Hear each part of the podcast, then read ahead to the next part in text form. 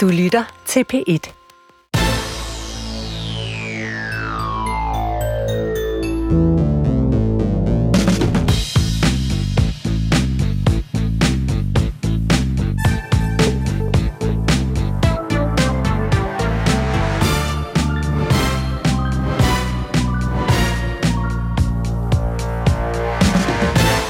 Du lytter til årets gæster på P1 med Pia Røn.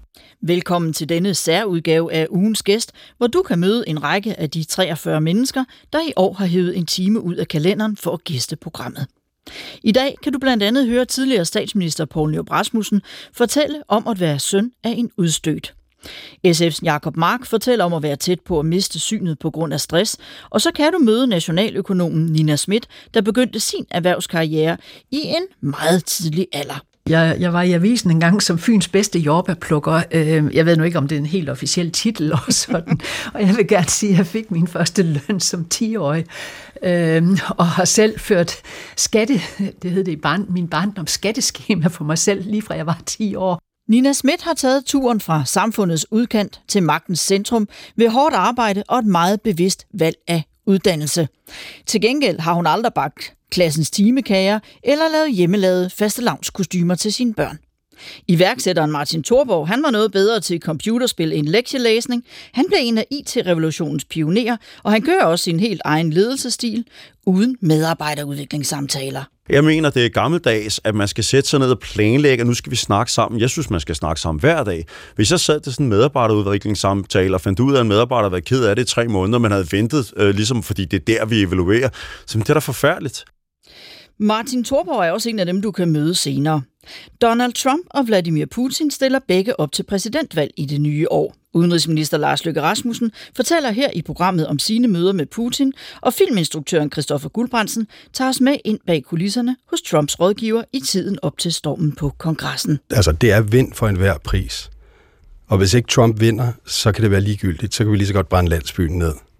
Du kan høre mere her i programmet, hvor vi også skal på stjernekiggeri med astrofysikeren Anja C. Andersen og astronauten Andreas Mogensen.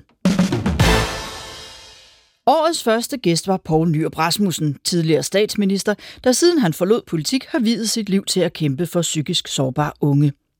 Poul Nyrup Rasmussen havde efter mange års tøven besluttet, at historien om hans far skulle fortælles. Den historie, faren aldrig havde talt om, men som Poul Nyrup havde hørt af omveje. At hans far, Olof, som 10-årig fik stemplet moralsk åndssvag og blev tvangsanbragt på den lille ø Livø i Limfjorden. Her levede han i syv år blandt udviklingshemmede og kriminelle drenge og mænd. Dagene gik med hårdt fysisk arbejde, og den eneste mulighed for at slippe væk fra øen var, hvis de unge mænd indvilligede i at blive steriliseret. Ved et lykketræf slap Olof Nyrup Rasmussen for sterilisation. Efter års knoklen og mindreværdsfølelse fik han også skabt sig en tilværelse, fik et arbejde, kone og barn, lille Paul, som siden skulle blive statsminister og gøre sin far så stolt. Din far har gået i land her. Hvad tid på aftenen har det været, som ved vi noget om det cirka? Han har nok været her halv fem, fem, Halv fem, fem. alt efter, hvordan turen er gået, ikke? Og hvis Fra vi er henne i november, siger du, Ja. så er har det der- mørkt. Der har været mørkt. Ja.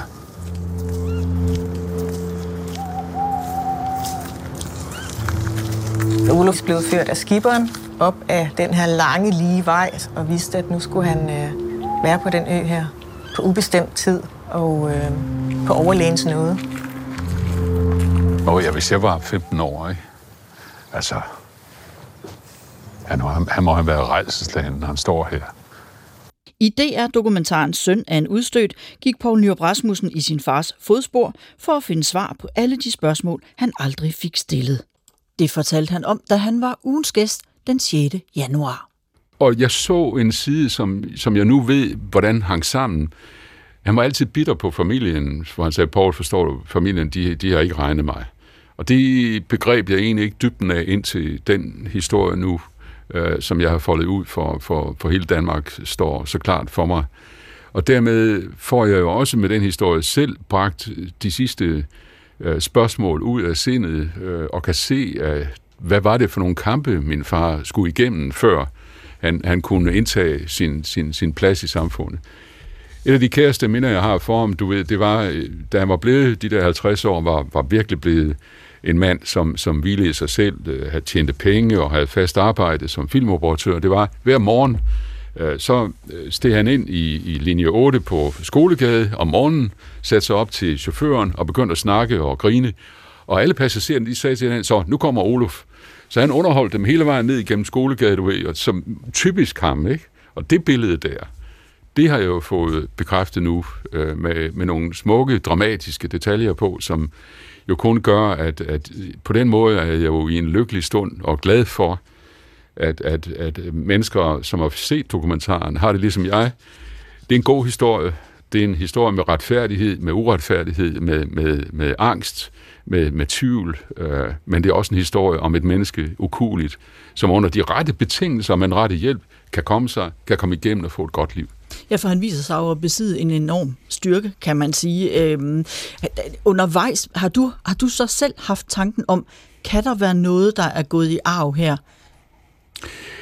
Ja, nu kommer vi jo, øh, nu kommer vi jo ind på min egen store tragedie, da jeg mister min datter øh, allerede som, som 24-årig. Øhm, øh, og det første halve år inde i min statsministertid tager Signe sit eget liv. Hun var meget syg, psykisk syg. Øhm, og øh, i, det, i, i den stund øh, øh, rejser der jo utrolig mange spørgsmål igennem en i sind. Hvorfor er spørgsmålet jo? Jeg vidste godt, at, at, at Sine var syg. Det vidste vi, min mor, hendes mor og jeg. Jeg havde svært ved at erkende det, men, men så jo mere og mere, hvor dårligt hun havde det. Og der kommer tankerne jo, for så kommer man jo ind og siger, hvad er det, der sker med et menneske, som, som, som, bliver, som får diagnosen skizofreni, og man læser, det er noget, du arver. Jamen, hvor arver du det fra? Og der ser jeg jo, at der både på, på min egen families side, øh, i min fars gener og min mors gener, og på øh, Sines mors side er øh, træk i familien. Så derfor var min konklusion, øh, der ligger nogle træk, der er bragt videre, men, men det endelige svar på, hvor det kom fra, kan vi jo ikke give. Jeg har levet med, øh, Pia, den erkendelse, at, at jeg mistede min datter med en uhelbredelig sygdom. Øh, jeg ville gerne, at vi kunne have hjulpet tidligere og bedre, men svaret på, om, om det er min fars gener, det mener jeg ikke, der er noget, der taler for, men jeg ved også, at, at, at noget er gået i arv, og det er jeg ikke enig om, øh, at, at måtte konfrontere mig selv med. P1's Facebook er nærmest øh, oversvømmet af beskeder til dig. Trine Ferdinand, øh, hun skriver, Jeg har altid vidst, du var et varmt og oprigtigt menneske, Paul. Tak fordi du deler din og din fars livshistorie. De er til stor inspiration for os andre, og det giver en stor historisk forståelse. Jeg har et spørgsmål. Jeg vil gerne vide, hvordan du har det i dag, for du har jo mistet mange af dine kærester omkring dig, spørger hun.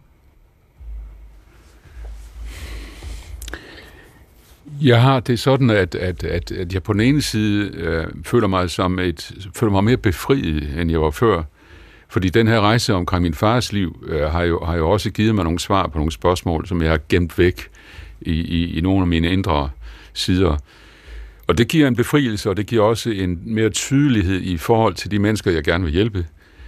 Men jeg, har også, øh, jeg bærer jo også på, på sorg undervejs i mit liv, øh, og dermed er svaret også, jeg er afklaret på den måde, at, at øh, som jeg har sagt de senere år, vil du have glæden, må du tage sorgen med.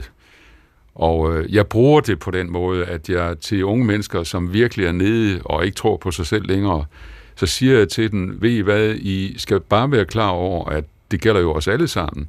Livet er fyldt med nedture og opture, og, og erkendelsen, at det gør, at du kan komme op igen, og du også kan møde glæden med større åbenhed, end du gjorde før. Så mit liv nu, lige nu, det er et godt liv, som er afklaret, øh, og som betyder, at jeg vil bruge også resten af de kræfter, jeg måtte have til at videregive mine erfaringer og videregive min viden. Kigge de her unge mennesker i øjnene og sige, ved du hvad? Jeg ved af hele mit livs erfaring med sorger og glæder, at du har også et liv foran dig. Du er god nok, og jeg føler, at jeg med mit statsministerjob og mine erfaringer de her år her har kunnet tage på mig også og hjælpe de her unge til at tro mere på sig selv, end de gjorde før. Og det er det, jeg har gang i, og det er det, der gør, at det er et godt liv, jeg har lige nu, og som jeg håber, jeg kan bruge lige så aktivt fremover. Mental sundhed har ligget højt på den politiske dagsorden i 2023, også blandt politikerne selv. Jakob Mark han udgav bogen Fartblind, hvor han fortæller om at være så alvorligt stressramt, at han var tæt på at miste synet. Alligevel ville han ikke indrømme, at han var syg, hverken over for omverdenen, kæresten Christina K. Hansen, eller sig selv, fortalte han i ugens gæst den 27. januar. Det er jo, fordi der ligger et eller andet skamfuldhed i det. Altså, mig og Christina havde jo den mest absurde diskussion. Det var, øh, efter jeg havde skrevet ud på Facebook, at øh, nu havde jeg fået en øjensygdom på grund af langvarig belastning af krop og sind.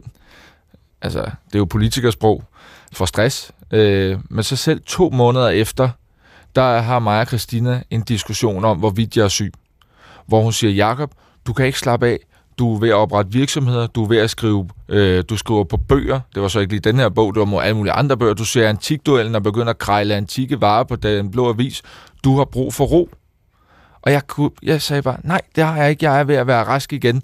Øh, og jeg er faktisk heller ikke syg længere. Jeg er heller ikke sikker på, at jeg har været syg. Jeg trænger bare til en pause. Så sagde hun, du er der syg. Og det var sådan her, du sagde det der ved griner meget af siden. Du er der syg, Jacob. Du er ved at miste synet, så er man der syg. Og jeg kan ikke helt forklare, hvorfor jeg ikke vil anerkende det før til allersidst. Det var først, da jeg så pludselig sad med Christina, sad med mine venner, sad med min familie og kunne være til stede. Og ikke tænke på alt muligt andet. Bare nyde det. At det gik op for mig, hvor meget af mit liv jeg egentlig havde gået glip af. Fordi jeg altid har været alle mulige andre steder. Jeg tænkte, nej, hvor er den drils, den der stresssygdom. Du bliver fysisk syg, du bliver psykisk syg, du lægger ikke mærke til det, og du øh, bilder dig selv ind, at det ikke sker. Den tager bare det helt fra dig. Du går igennem en masse overvejelser omkring, hvorvidt du skal vende tilbage til politik, og der går faktisk lang tid, før du beslutter dig.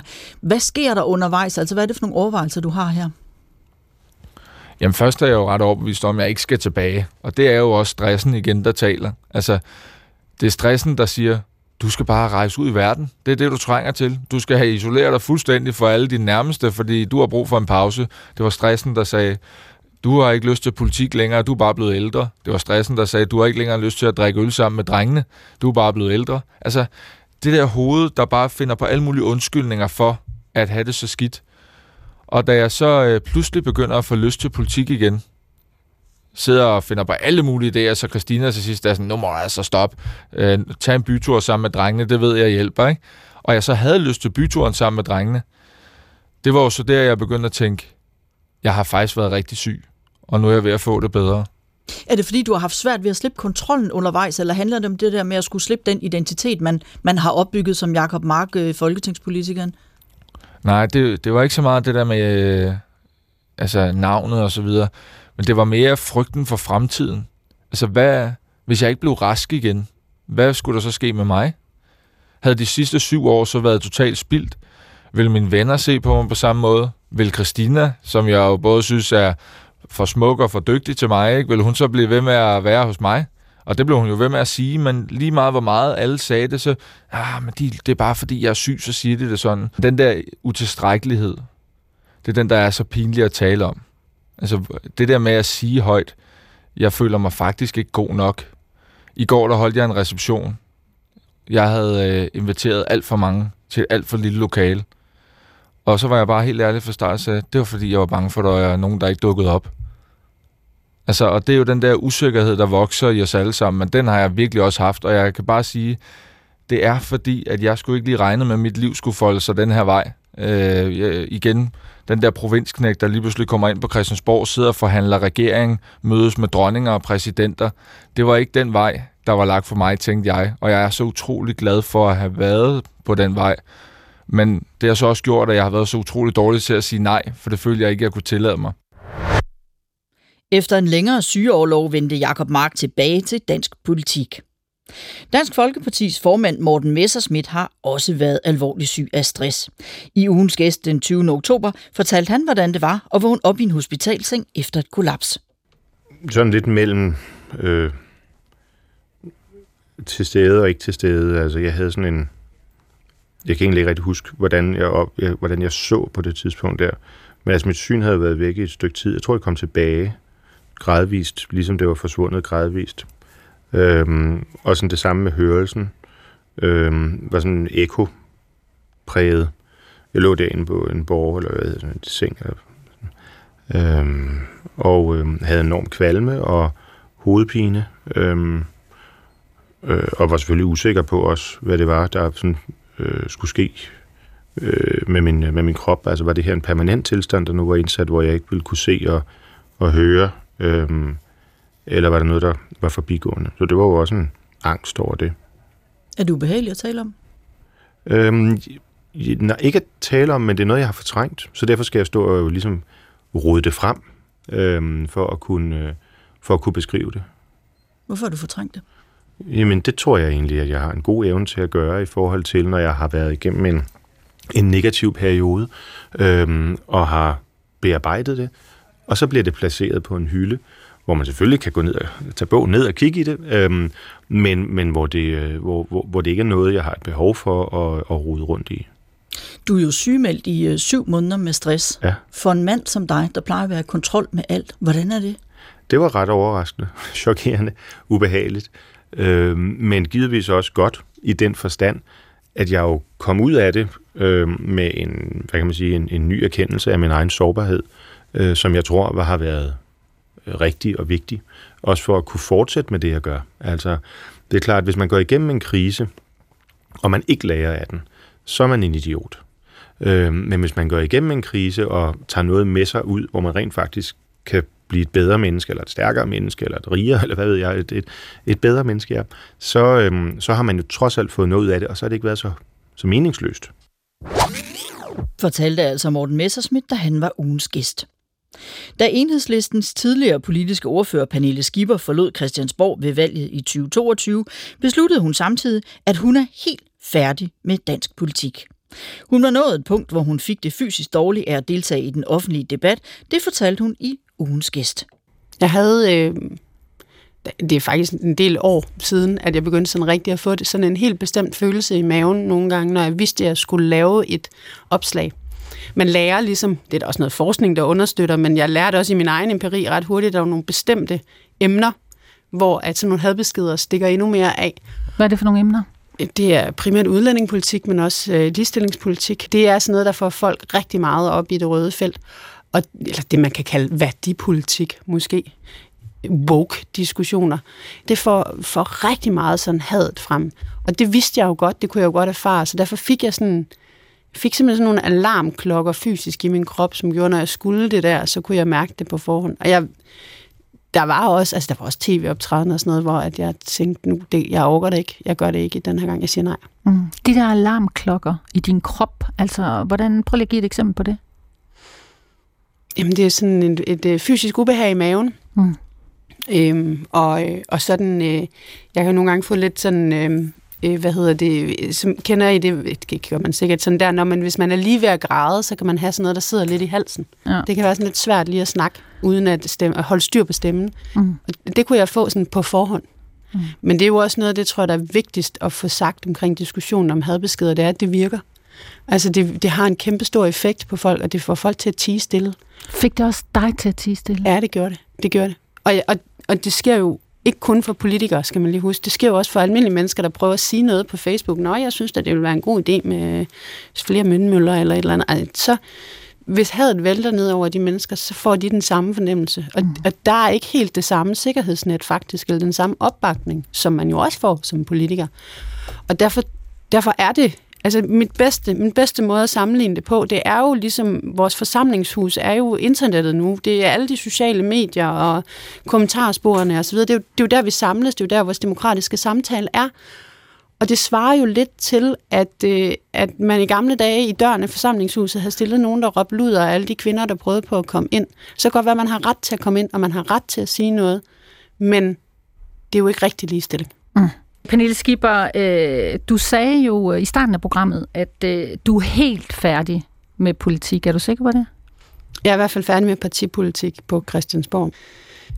Jeg skal ikke tilbage til det øh, arbejdsmiljø. Jeg skal ikke, øh, jeg skal ikke, øh, det, mine børn skal ikke øh, se folk tale sådan der om mig, øh, mere end de allerede har gjort. Det, det, er jo ikke sådan, det er jo ikke sådan, så at jeg hader det, det derinde, eller eller at, mit, at, at, alle de minder, jeg har fra Christiansborg, er dårligt. Altså, jeg har lært så meget. Jeg har mødt så mange mennesker. Jeg har oplevet helt vildt meget. Jeg har fået sindssygt meget erfaring på alle mulige... Altså, så alt det der, det, det vil jeg aldrig have undværet. Så jeg vil ikke gøre det om, hvis jeg kunne. Men derfor er det ikke øh, nødvendigvis sådan, så at jeg skal derind igen. Det, det tror jeg altså ikke. Sådan sagde Pernille Skipper, da hun var ugens gæst i september. Gitte Hansen var vært.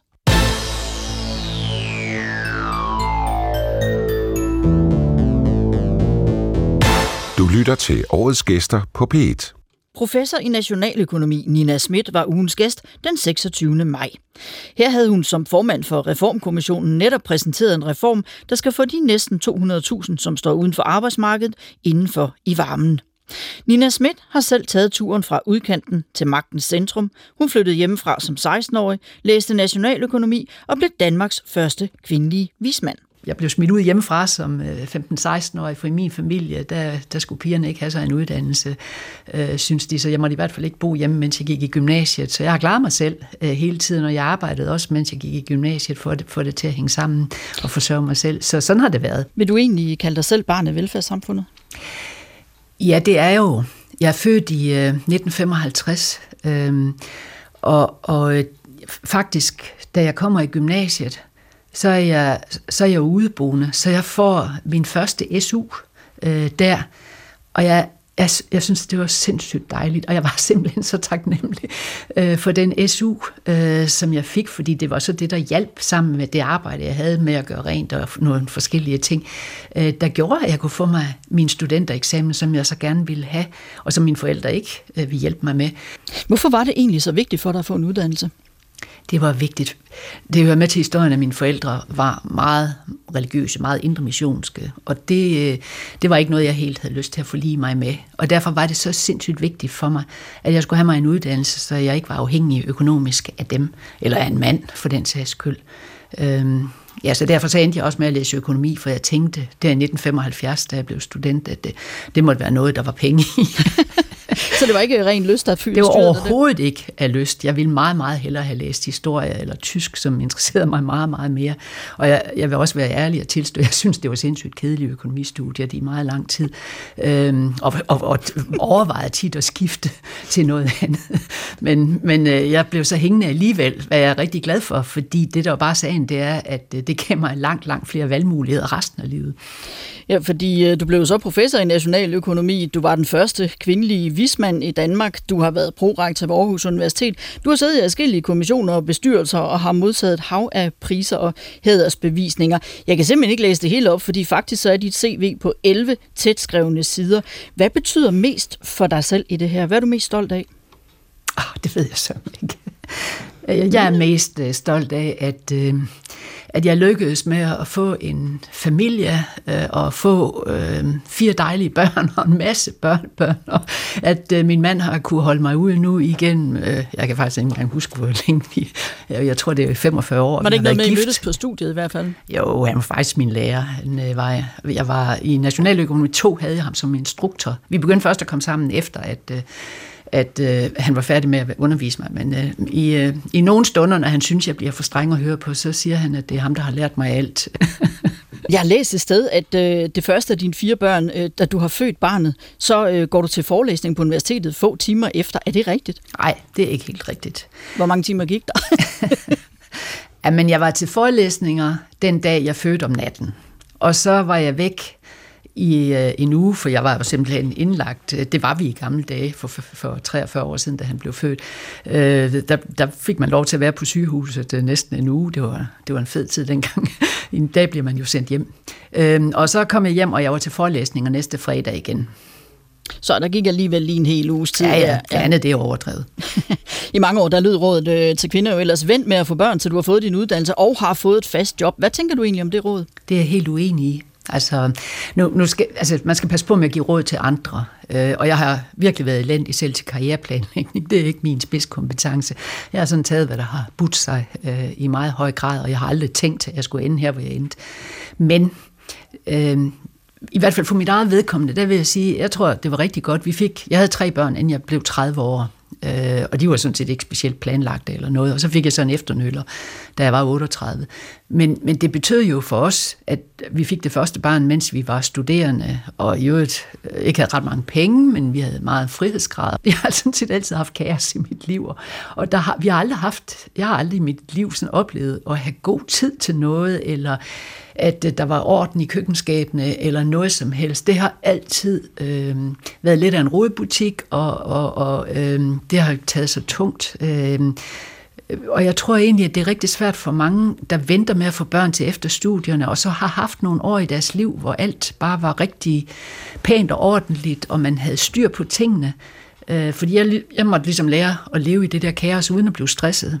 Øh, og det var let, fordi nå, det var så bare referencen, at sådan var det. Du har jo forsket i øh, ligestilling i et samfundsmæssigt perspektiv øh, med fokus på blandt andet kvinders øh, håndtering af balancen mellem karriere mm. og privatliv, for eksempel også barsel. Hvor ligger de største faldgrupper for kvinder, tænker du?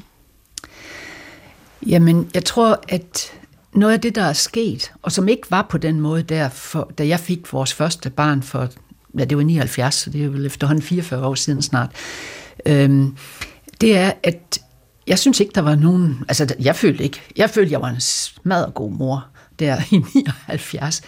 Øh, vi afleverede vores børn. Vi fik vuggestue, da han var et år. Han blev afleveret klokken halv otte om morgenen, og han blev tit hentet klokken 5 om eftermiddagen. Det var en super god vuggestue af ingen dårlig samvittighed. Han gik aldrig til babysvømning eller kirkegymnastik, eller, eller hvad det nu hedder, alle de forskellige ting, som jeg kan se i dag, at mange kvinder mener, man skal gøre, for at det overhovedet skal gå godt for deres børn. Øh, det, det snakker vi tit om, alle vi, øh, eller nogle af vi gamle mødre, at, at de her ting, som man i dag synes, man skal gøre for at være en god mor, øhm, og det er mor, jeg siger, fordi det er jo kvinderne, der påtager sig det her.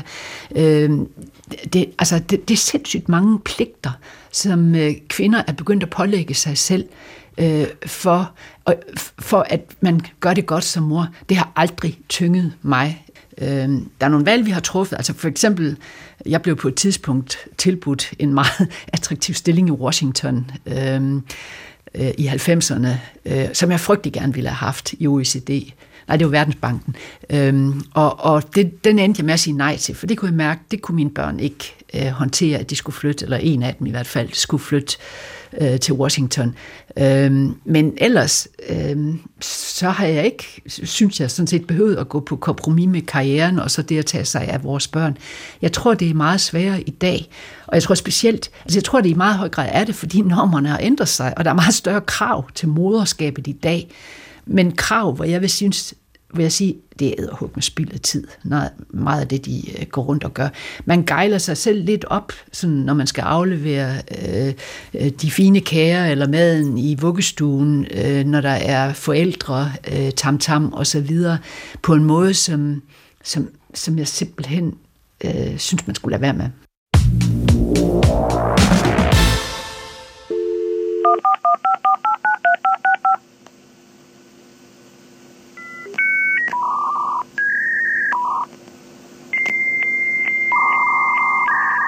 En gang var det her lyden af fremtiden. Så lød det nemlig, når man via et modem skulle ringe op og koble sig på det nye World Wide Web. Iværksætteren Martin Thorborg, han kunne ikke rigtig finde sig til rette i uddannelsessystemet. Til gengæld så var han rigtig god til computerspil, og ved et tilfælde så blev han en del af IT-revolutionen. I dag har Torborg oprettet nær ved 50 virksomheder, været konkurs to gange, tjent 60 cifrede millionbeløb og tabt adskillige af millionerne igen, men så starter han bare forfra. Men tilbage til tilfældet. Vi skal tilbage til lige den gang, hvor computer var noget, man begyndte at tale om. En pur ung Martin Thorborg kører på en tysk motorvej. Her overværer han et harmonikasammenstød, hvor biler bryder i brand, og pludselig står der en polsk mand og banker på ruden og beder om et lift. Manden viser sig at være professor og fortæller, at han via universitetet er begyndt at sælge adgang til internettet. Torborg føler sig ramt af lynet. Han har aldrig tænkt tanken, at man faktisk kunne tjene penge på internetadgang. Kort efter kan han kalde sig internetudbyder, og så er det, at en af kammeraterne får en ny idé, nemlig at lave en søgemaskine ved navn Ubi. Jamen altså, øh, da vi startede op, var der ikke noget sted, man kunne søge på, så man sad sådan set bare, øh, med, hvis man forestiller sig lidt, at øh, man sidder med sin browser, øh, og man bruger Google Edge, eller hvad, hvad man bruger, og så sad man der øh, og der var ingenting. Og det vil sige, man kunne, altså, hvis man skrev det mindste forkert, altså man skulle selv skrive, man kunne ikke bare skrive www, nej, nej. Man skulle, Man skulle skrive, faktisk også gætte, hvad Men- deres men- hjemmeside kunne hedde. Ja, altså man skulle starte med at skrive http kolon slash slash øh, øh, punktum, og så skrive www punktum, eller hvad det nu kan jeg dårligt huske det selv, hvor meget der var, for nu er det længe siden, jeg skrev det. Og så skulle man lige gætte resten. Øhm, og det er klart, altså det, det, så begynder det at skulle blive lidt svært. Øh, så der var ikke noget sted, man kunne søge. Og øh, vores kunder dengang, de, de, de ringede jo til vores telefonsupport og sagde, hej, du ved, jeg prøver at finde bla bla hjemmeside og så videre, kan I hjælpe mig? Og så sad vi og øh, havde lavet en stor liste af, af, af sider. Og så sagde vi, ja, jamen, du du skal bare gå ind på HTTP, bla bla bla. Alt helt den der, ikke? og de skrev forkert fire gange. Så sådan en telefonsamtale kunne tage 3-4 minutter for at, at give dem Københavns Universitet Universitets hjemmeside, for eksempel. Ikke? Det kunne man godt se, måske ville være svært, når der kom flere kunder. Så vi startede med at lave en side øh, med alle de hjemmesider, der var i Danmark. På det tidspunkt var der 200, øh, som man går ind under. Jeg tror, vi har rubrikeret dem under 5-6 øh, forskellige emner. Øh, og så kom der jo flere til. Så da der var gået, jeg tror, 6-8 måneder eller sådan noget, var vi omkring 2.000. Og så blev det jo helt uoverskueligt. Og så var der en af vores medarbejdere, Jakob Forvang, sagde, hey, jeg kan, da, jeg kan da lave sådan en ligesom Yahoo. Øh, fordi Yahoo var lige startet 6 måneder før i USA. Så jeg, skal jeg ikke lave sådan en til Danmark? Øhm, og tænkte, det er ligesom, altså, det, det, han spurgte om, det var, hey, i USA er det telefonbøger, skal vi ikke også lave en telefonbog i Danmark? Øh, jo, god idé, så kan der være, at der er lidt færre, der ringer. Øhm, og og så, så gjorde vi det, og, og vi havde aldrig drømt om, at det skulle blive en forretning. Det var jo sådan set for at aflaste, af, aflaste vores support og give en bedre øh, service til vores kunder. Men det virker faktisk også, øh, som om det udvikler sig, så I næsten begynder at drive et helt medie. I øh, ansat øh, Kira Eggers, som var øh, Ja, altså det mest berømte stripper på det tidspunkt, Ja, ja. øh, får I ansat Og til den her. Dan Rakle var under, underholdningschef, ikke? Øh, og Joachim Hediger, øh, han var ind og passe lidt radiostationer og lave andre ting og sager, for vi ansatte Henrik Ørum, der havde vundet Robinson det år der, ikke? Han blev vores jurist, og han var vores pædofiljæger, øh, så han brugte tiden på at holde pædofile væk fra vores chat. På et tidspunkt er I øh, vel op på, du skriver selv i en af dine bøger, omkring øh, 170 ansatte, og I omsætter for 60 millioner om mm, året. Og man kan sige, at det hele taget, så er det jo en branche, det som før hed EDB-branchen. Nu hedder Ja. det lige pludselig øh, IT, og de mennesker, som man før kiggede på og grinede lidt, "Nå, det er også nogle nørder, og det var lidt nogen, der sad nede i en kælder og drak mange cola og Ja. spiste pizza og var i mørke hele tiden. Lige pludselig, så bliver I jo rockstjerner. Ja, men det var helt vildt. Altså, det var jo, altså, vi havde jo, vi havde jo øh, statsministeren inde til live chats. Øh, vi havde boys, boybands fra England, så vi måtte have vagter stående, fordi der var så der var flere hundrede hujende piger ude foran Carlsbergtårnet, hvor vi boede. Øh, vi havde altså alle celebrities. Øh, Aqua, der var store på det tidspunkt, de kom til alle vores fester. Ikke? Vi havde Shubidua til at spille til vores julefrokost, ikke? Øh, og de var altså store dengang. Øhm, vi holdt kæmpe fester med 1500 deltagere, og, og altså, det, var, det, var, det, var, det var virkelig, virkelig sjovt. Altså, vi havde altså bare på en enkelt aften, når vi holdt fester, ikke, så havde vi otte bands, ikke, der spillede. Da det først kom i gang, så var det en lang fest øh, på, på et eller andet, altså også utrolig meget hårdt arbejde, vil jeg så sige, ikke? så det var, det var meget lidt søvn, rigtig meget fest og rigtig meget arbejde, ikke? Øh, og det var, det var us- usandsynligt sjovt, men det var også helt u- altså, uhørt hårdt. I er borget af medvind og succes, og så får I så også et øh, tilbud, som øh, er lige ved at vælge om kul. Øh, I får tilbudt øh, 1 milliard for UB, og mm. der er I jo nærmest allerede i gang med at finde ud af, hvordan I skal, I skal bruge de her penge. Men så går den her handel i vasken. Mm. Så går det lidt tid, så får I et nyt tilbud på 100 millioner euro i mm. aktier, mm. og så slår I til. Ja. Du får øh, personligt 120 millioner i aktier. Ja. Hvad, hvad, hvad tænker du der? Hvad skal pengene gå til? Tænker du, nu, nu giver vi den gas? Øh, ja, det var nok min umiddelbare tanke, men, men, men altså det, det, det kan lyde meget, meget, meget mærkeligt, men det er nok det mest forvirrede øh, øjeblik, og på, på mange måder egentlig også ulykkelige øjeblik i mit liv, fordi at øh, på det tidspunkt, der har jeg kæmpet øh, sindssygt hårdt som iværksætter i mange år for at opnå netop det. Og jeg har aldrig rigtig spekuleret på, hvad jeg så skulle. Altså, jeg tror, det svarer lidt til en bjergbestiger, der drømmer om at bestige Mount Everest, der prøver, prøver, prøver, arbejder på det i mange år, og lige pludselig står på toppen og kigger ud, nyder udsigten et øjeblik og tænker, var det det?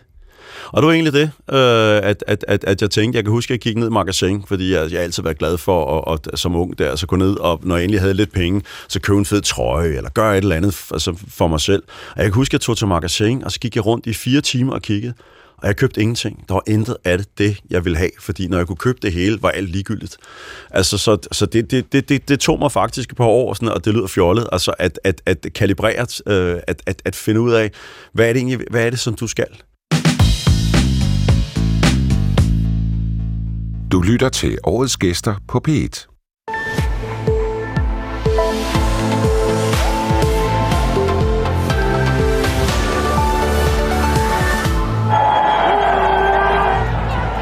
Voldsomme billeder fra USA's hovedstad Washington D.C. Lige nu demonstranter er trængt ind i den amerikanske kongres, som nu er ved at blive evakueret.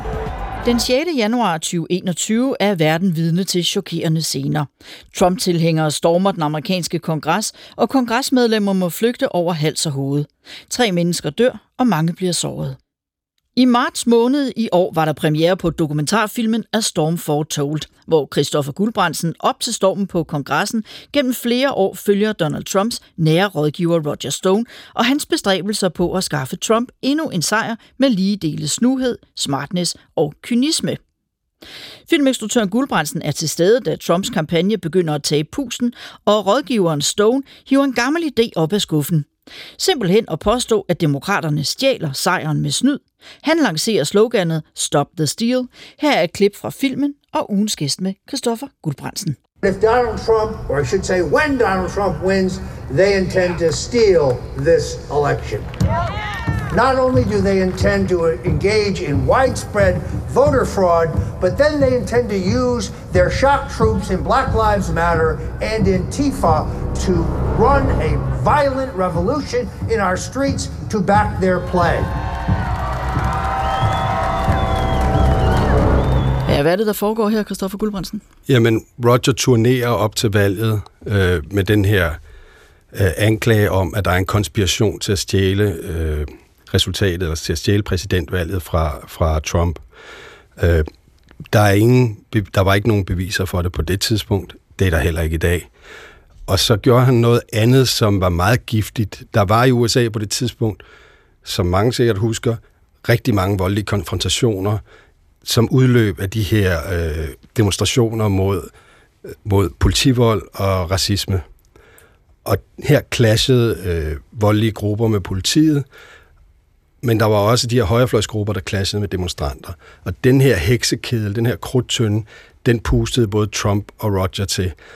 Og helt uden nogen som helst basis pegede de på nogle af de her voldelige venstrefløjsgrupperinger, som om de var en del af den her konspiration. Og det var jo, altså, det, for mig var det vanvittigt at opleve en præsident, men også Roger, især Roger, puste til den ild. Altså, det, det virkede enormt uansvarligt. Og så øh, er vi jo fremme ved 6. januar. Du er egentlig ret sikker på, at din film er færdig hjemme i Danmark, men da Roger Stone han inviterer dig til at tage med til Washington og overvære de sidste dage i Trumps præsidentperiode, så øh, låner du penge af din storebror, fordi alle dine penge de er jo øh, smidt i filmen, og så drager du afsted. Det er dagen, hvor medlemmerne af senatet og repræsentanternes hus formelt skal bekræfte Joe Biden som vinder af valget, og du er så sammen med Roger Stone på et øh, nærliggende hotel, øh, der fungerer som hovedkvarter og kommandocentral, kan man vel godt kalde det for øh, Trumps rådgiver.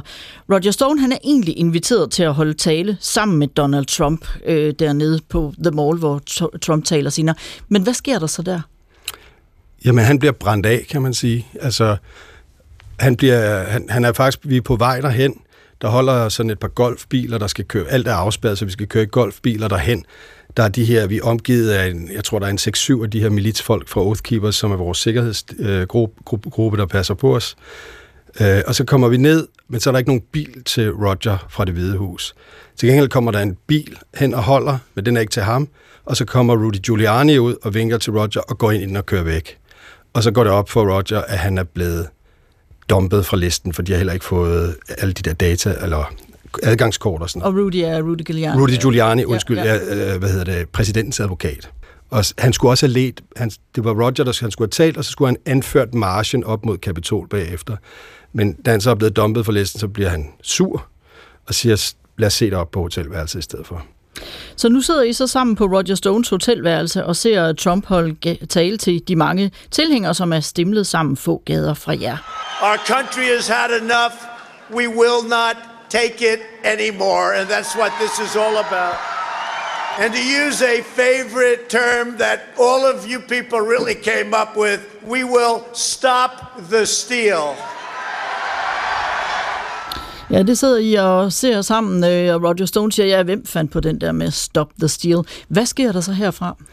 Jamen så, han taler i utrolig lang tid, øh, Donald Trump, den, den dag. Og på et tidspunkt, så beder øh, Stoners om at forlade Sweden, fordi han siger, at han skal have en lur. Og så går vi ud, og 10 minutter efter han har bedt os forlade øh, hans hotelværelse, så begynder en gruppering af de her Proud Boys, anført af en, der hedder Joe Biggs, som, som jeg har mødt tidligere sammen med Roger Stone, de begynder angrebet og bryder gennem barriererne. Øh, og så begynder, jeg, jeg beslutter mig, vi, vi ser det på tv, og jeg beslutter mig sammen for at komme der ned. Og Frederik Marbel, øh, min marker, han går hen til, han begynder at prøve at få Roger på. Men Roger er, er ikke så ivrig for at blive filmet, kan man roligt sige. Så, så Frederik går ned til, til, hotel, til hans hotelværelse. Vi bor lige ved siden af hinanden, Så han går ned ad gang og stiller sig foran værelset og venter bare. Og ringer og banker på og så videre. Vi er rigtig irriterende. Øh, og, og der går relativt lang tid, men til sidst så har de så bestilt noget room service, der kommer. Og så går Frederik bare ind sammen med room service og begynder at filme. Og det bliver jo så øh, ekstremt voldsomt. Var du aldrig bange for at blive ja, rent ud sagt slået ihjel? Jeg var ikke bange for at blive slået ihjel, men jeg var lidt bekymret på et tidspunkt for at få klø.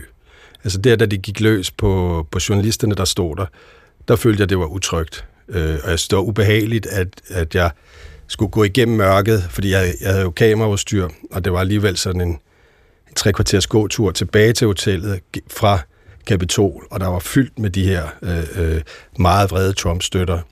Så ja, jeg synes, det var lidt... Altså, jeg, jeg må faktisk indrømme, at jeg ringede til, til Frederik, min kollega, og så aftalte vi, at han skulle gå mig i møde.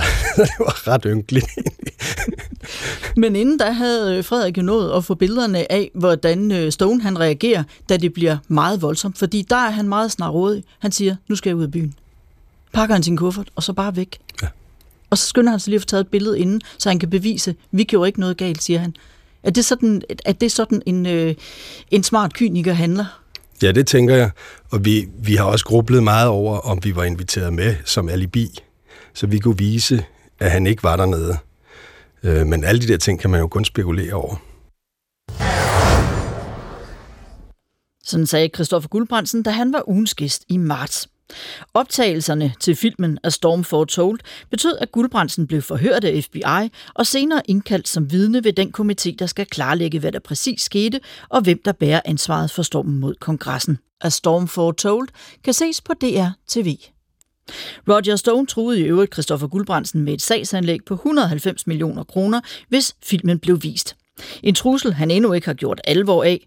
Nu venter Guldbrandsen og holdet bag filmen, hvordan Stone vil reagere, når A Storm Foretold får biografpremiere i USA til januar. Og som resten af verden venter han på svaret på det spørgsmål, der bliver afgjort til november. Kan Donald Trump igen blive USA's præsident? I Rusland er der mindre spænding om resultatet af det præsidentvalg, der finder sted 17. marts 2024. Præsident Putin meddelte i begyndelsen af december, at han stiller op til en femte periode som præsident. Da udenrigsminister Lars Løkke Rasmussen på årsdagen for Ruslands invasion af Ukraine var ugens gæst, der handlede det blandt andet om Vladimir Putin, som Lars Løkke Rasmussen har mødt flere gange, og om hvor meget Vesten havde taget fejl af Ruslands stærke mand. Lars Løkke Rasmussen medvirkede på linje fra New York, hvor han var til FN-topmøde. Ja, jeg har mødt Putin en del gange, primært i min første periode som øh, statsminister fra 9 til, øh, til 11. Øh, sidste gang jeg mødte ham, det var i 17, øh, hvor vi markerede 100 år for Første Verdenskrigs afslutning, og der synes jeg allerede, og det var i Paris, der kunne jeg allerede opleve en noget meget mere introvert. Men altså tilbage i 9-10 øh, stykker, det var jo på det tidspunkt, hvor, hvor, hvor hele Europa skruede op for relationen til Rusland, og russerne også til os. Øh, vi udnævnte en eksportambassadør til Rusland. Øh, Mærsk lavede en helt ny øh, terminal i St. Petersborg. Øh, og vi havde Putin i besøg øh, i København, hvor vi også etablerede et dansk-russisk handelskammer. Og så er det rigtigt, at så var vi også en tur i, øh, i Tivoli, hvor, hvor Putin jo betroede mig, at det var et sted, han godt kunne lide at komme, fordi der kom han også, da han var agent i Østtyskland i sin tid. Øh, noget specielt muntert menneske, synes jeg nu ikke, han var. Dronning Margrethe, hun sagde jo forleden i et temmelig øh, opsigtsvækkende interview med Weekendavisen om Putin, og jeg citerer, Jeg kan huske, at jeg tænkte, at han ikke var behagelig. Jeg har aldrig set så kolde øjne i mit liv, mm. sagde dronningen.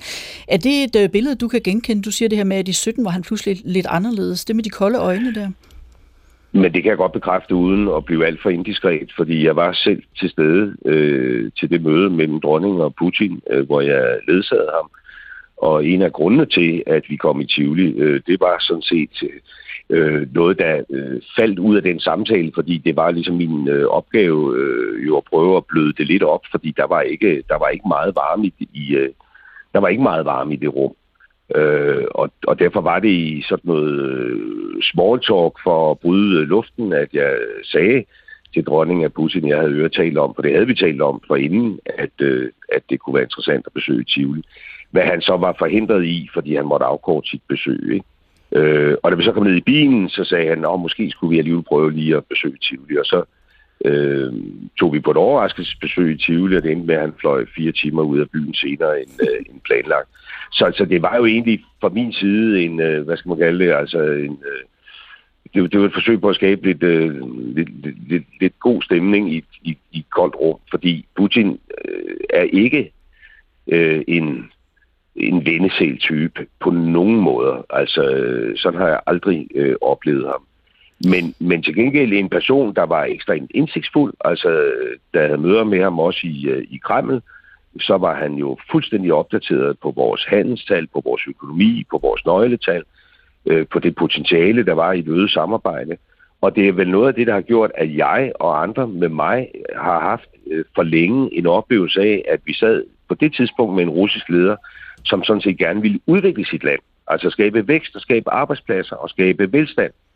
Øh, og det er jo så det, øh, der er totalt øh, forvandlet, og hvor vi over tid har set en mand, der har taget et større greb om sit samfund, starter med at lave forfatningen om, så han de facto kan blive siddende forever, øh, forvandler sig fra at være demokratisk folkevalg til de facto diktatur, øh, diktator. Og jeg kan huske, at Angela Merkel sagde til mig på et tidspunkt for mange år siden, at når folkevalgte ledere begynder at bygge paladser til sig selv, øh, så, skal man, så skal man begynde at være lidt opmærksom. Ikke? Og det er jo den øh, forvandling, Putin også har undergået.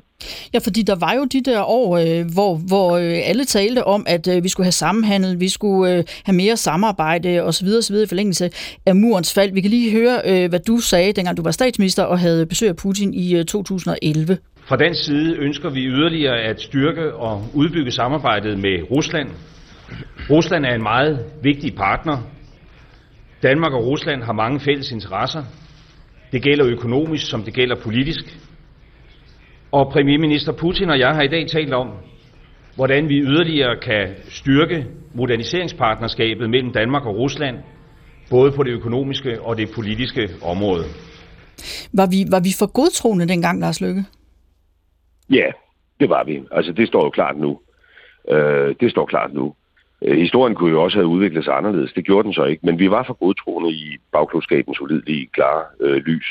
Øh, fordi hvor vi på den ene hånd altså øh, rakte hænderne ud, og de er jo sådan set også til os, og vi sammenhandlede og udbyggede nogle relationer, vi taler om hele Europa over for Rusland, så skete der jo samtidig den her forvandling, hvor, hvor Putin tog et stærkere og stærkere jerngreb, jerngreb omkring sit eget samfund, øh, hvor dissidenter øh, blev lemfældigt anholdt, hvor øh, medierne blev lukket ned, øh, den kritiske presse forsvandt, øh, og, og, og over tid, øh, så har han jo taget altså i virkeligheden den totale kontrol over det her samfund.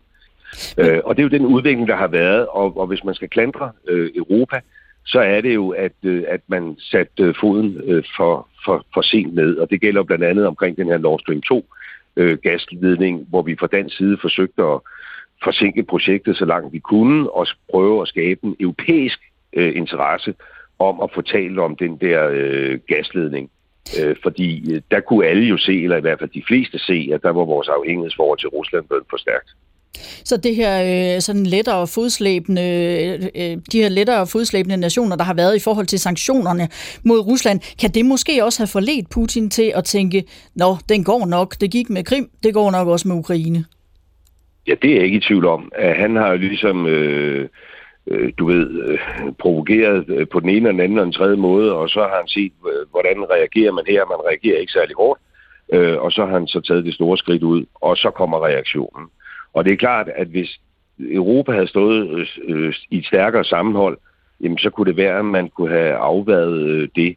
Øh, men det er jo sådan noget kontrafaktisk øh, historieskrivning. Men, men der er ingen tvivl om, at han har øh, undervurderet øh, Europas sammenholdskraft, ikke? Og, og, og, og det har han vel gjort, fordi han har øh, forholdt sig til sådan et historisk billede af, hvordan plejer Europa at, øh, at reagere. Det er også derfor, jeg brugte det her udtryk med, at Ukrainekrigen på en eller anden måde er noget fremkaldervæske, der, der kastes ned over et billede, der var der i forvejen. Øh, og der var jo begyndende i Europa over de seneste år øh, Øh, en større bevidsthed om, at vi skal være mere selvforsynende, hvad angår energi. Øh, vi øh, skal have et Europa, der er mere øh, autonomt, øh, strategisk selvstændigt, også i forhold til Kina og andre. Det var på vej, men det gik jo alt, alt, alt for langsomt. Og der må man sige, at Putins krig i Ukraine øh, har jo fremkaldt alle de her øh, nye geopolitiske spændinger, og også skabt noget ny beslutningskraft i Europa. Og det er selvfølgelig meget, meget trist, at der skulle en krig til, for at det kom.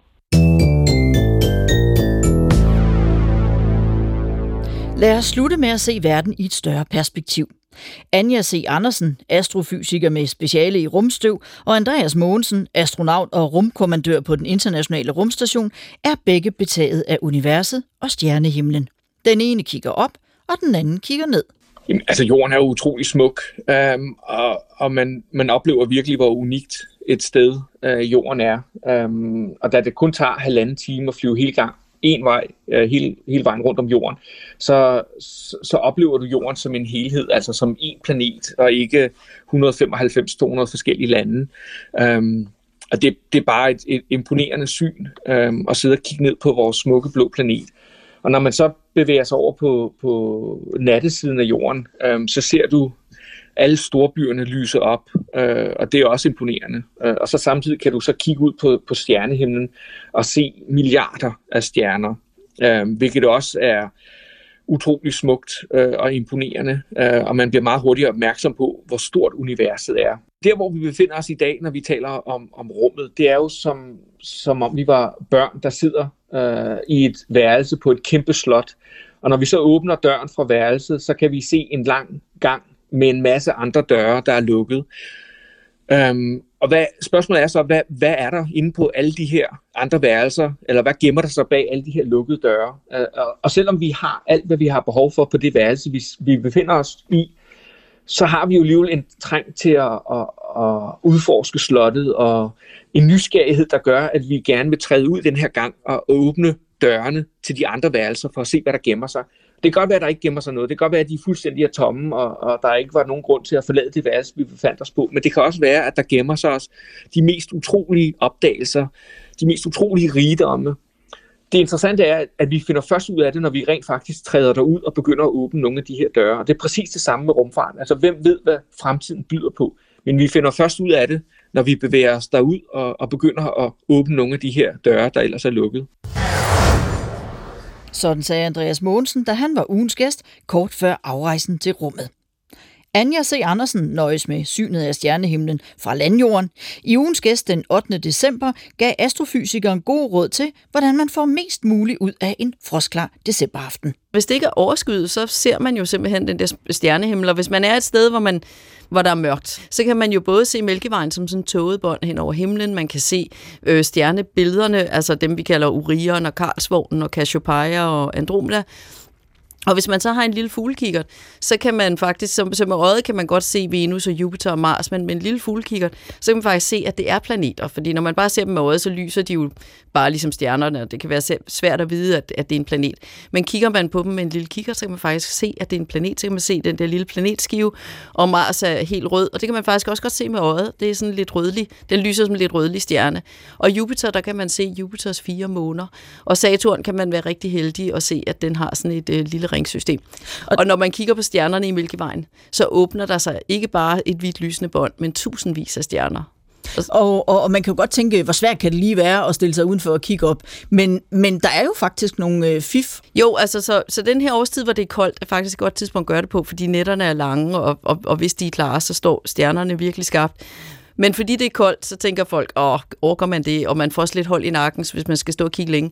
Så der plejer at sige, at man skal gøre det behageligt for sig selv. Altså man skal ligesom tage sådan en drømmeseng eller en solseng, sådan, så man ligesom kan ligge lidt ned og gerne i en varm sovepose, så man ikke fryser, og gerne med noget varm kakao eller kaffe på termokanden. Og så armene hvilende på et øh, armlæn eller på en lille havemur, sådan så at man holder hænderne stille, når man holder sin kikkert, fordi ellers står den og ryster. Og så skal man helst være ude mindst 10 minutter. Og det er simpelthen fordi, altså for øjnene nattesyn. Så det er sådan, at ens øje har ligesom to forskellige, øh, man kalder dem tapper og stave inde i øjet, og den ene er god til at måle farver, og den anden er god til at registrere kontraster, altså sort-hvid. Og der er det sådan, at hvis man er ude, og der ikke er særlig meget lys, så vil øjets farvefølsomhed slå fra, og så give en bedre mulighed for at se sort-hvid, altså kontraster.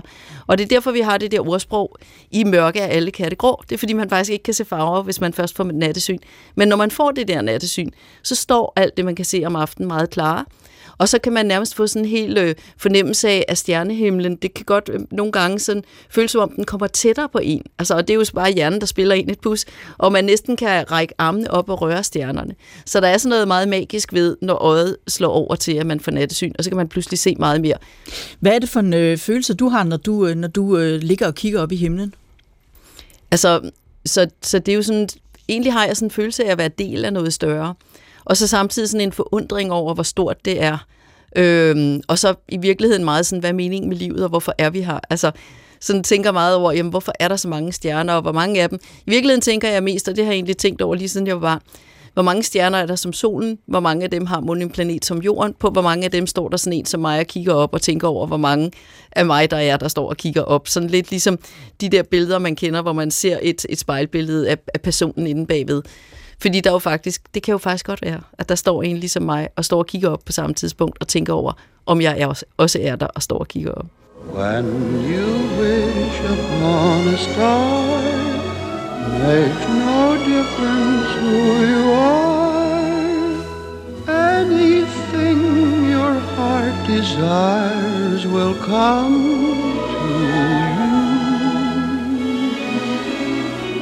If your heart is in your dream No request is too extreme When you wish upon a star As dreamers do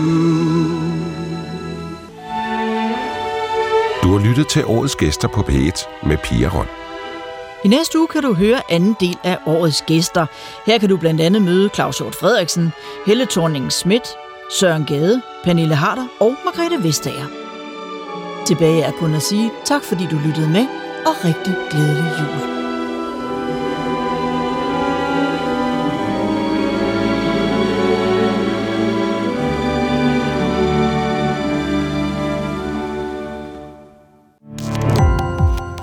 Gå på opdagelse i alle DR's podcast og radioprogrammer. I appen DR Lyd.